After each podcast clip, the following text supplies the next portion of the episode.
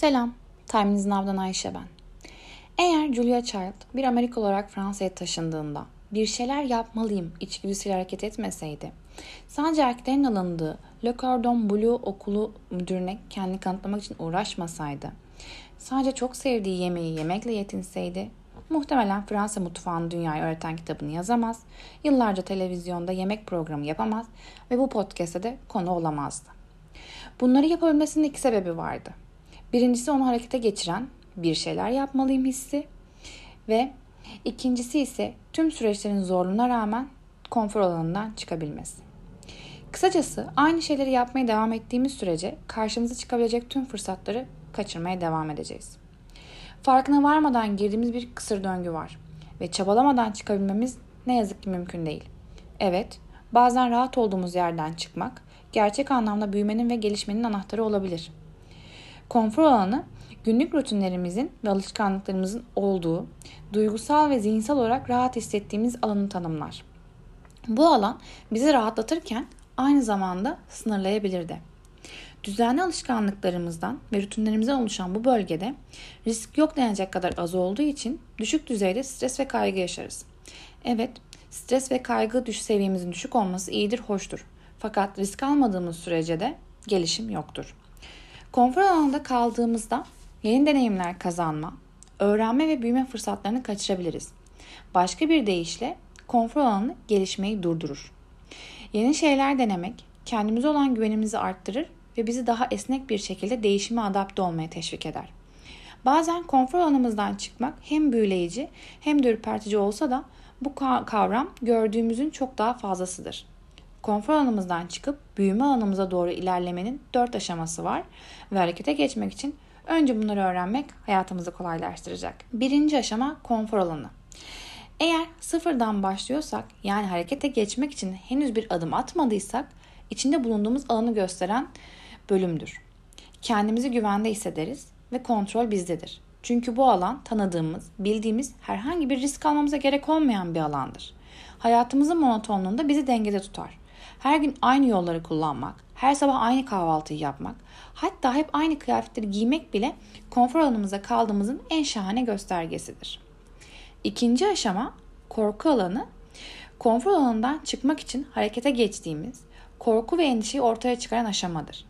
Bahaneler, özgüven eksikliği ve konfor alanımıza kalmaya ikna edilmek, konfor alanımızdan çıkmaya çalışırken karşılaşabileceğimiz engellerdir. Her gün kullandığımız yol yerine yeni bir yol tercih etmeyi isteyip o yolda başımıza bir şey gelebileceği korkusu bu alanda ortaya çıkar. Denemediğimiz ve denemekten de korktuğumuz bir alandır açıkçası. Üçüncü aşama öğrenme alanı ise korku alanının tedavisidir. Alanın adından da anlaşılacağı gibi bu alan girişmek üzere olduğumuz yeni çaba hakkında bilgi edindiğimiz ve zorluğun üstesinden gelmek için yeni beceriler kazandığımız yerdir. Yeni yolu kullanıp her zamanki yoldan daha keyifli olduğunu öğrenmek ve içimizin rahat ettiğini görmek korku alanını tedavi edecektir. Dördüncü aşama büyüme alanı ne kadar iyi yaptığımıza bakmaksızın yeni hedefler belirlemeyi ve bunları gerçekleştirmeyi öğrendiğimiz yerdir. Amaç güçlü yönlerimizi fark etmek ve bunları yeni sonuçlar elde etmek için kullanmaktır. Büyüme alanı konfor alanımızdan çıkmak için adım attığımızda yaşadığımız korkuyu yenip yeni bir şey öğrenerek yolculuğumuzu sürdürmektir.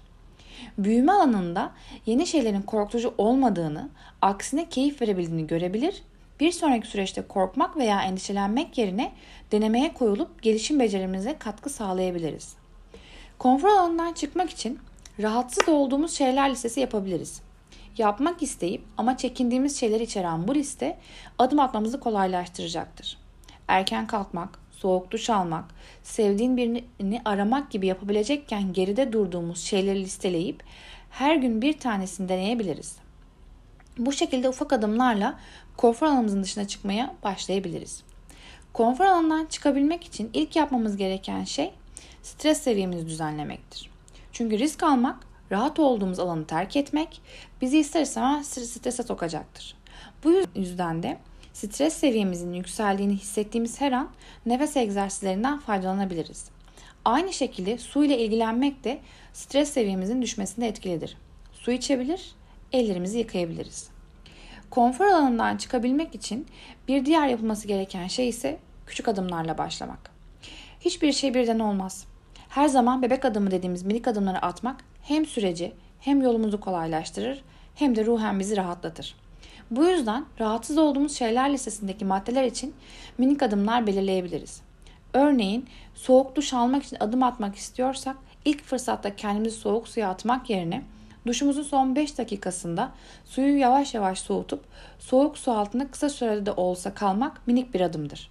Ama başarmış olmanın hissi ise muazzamdır. Hayatta hiçbir şey birdenbire olmuyor. Bazen çabalamamız gerekiyor ve çabamız oranında da istememiz gerekiyor. Bir şeyi çok istememize rağmen çabalamıyorsak belki de isteme sebeplerimizi sorgulamamız en doğrusu olacaktır. Zira gerçekten istediğimiz bir şey yapmak için herhangi bir bahanemiz olamaz.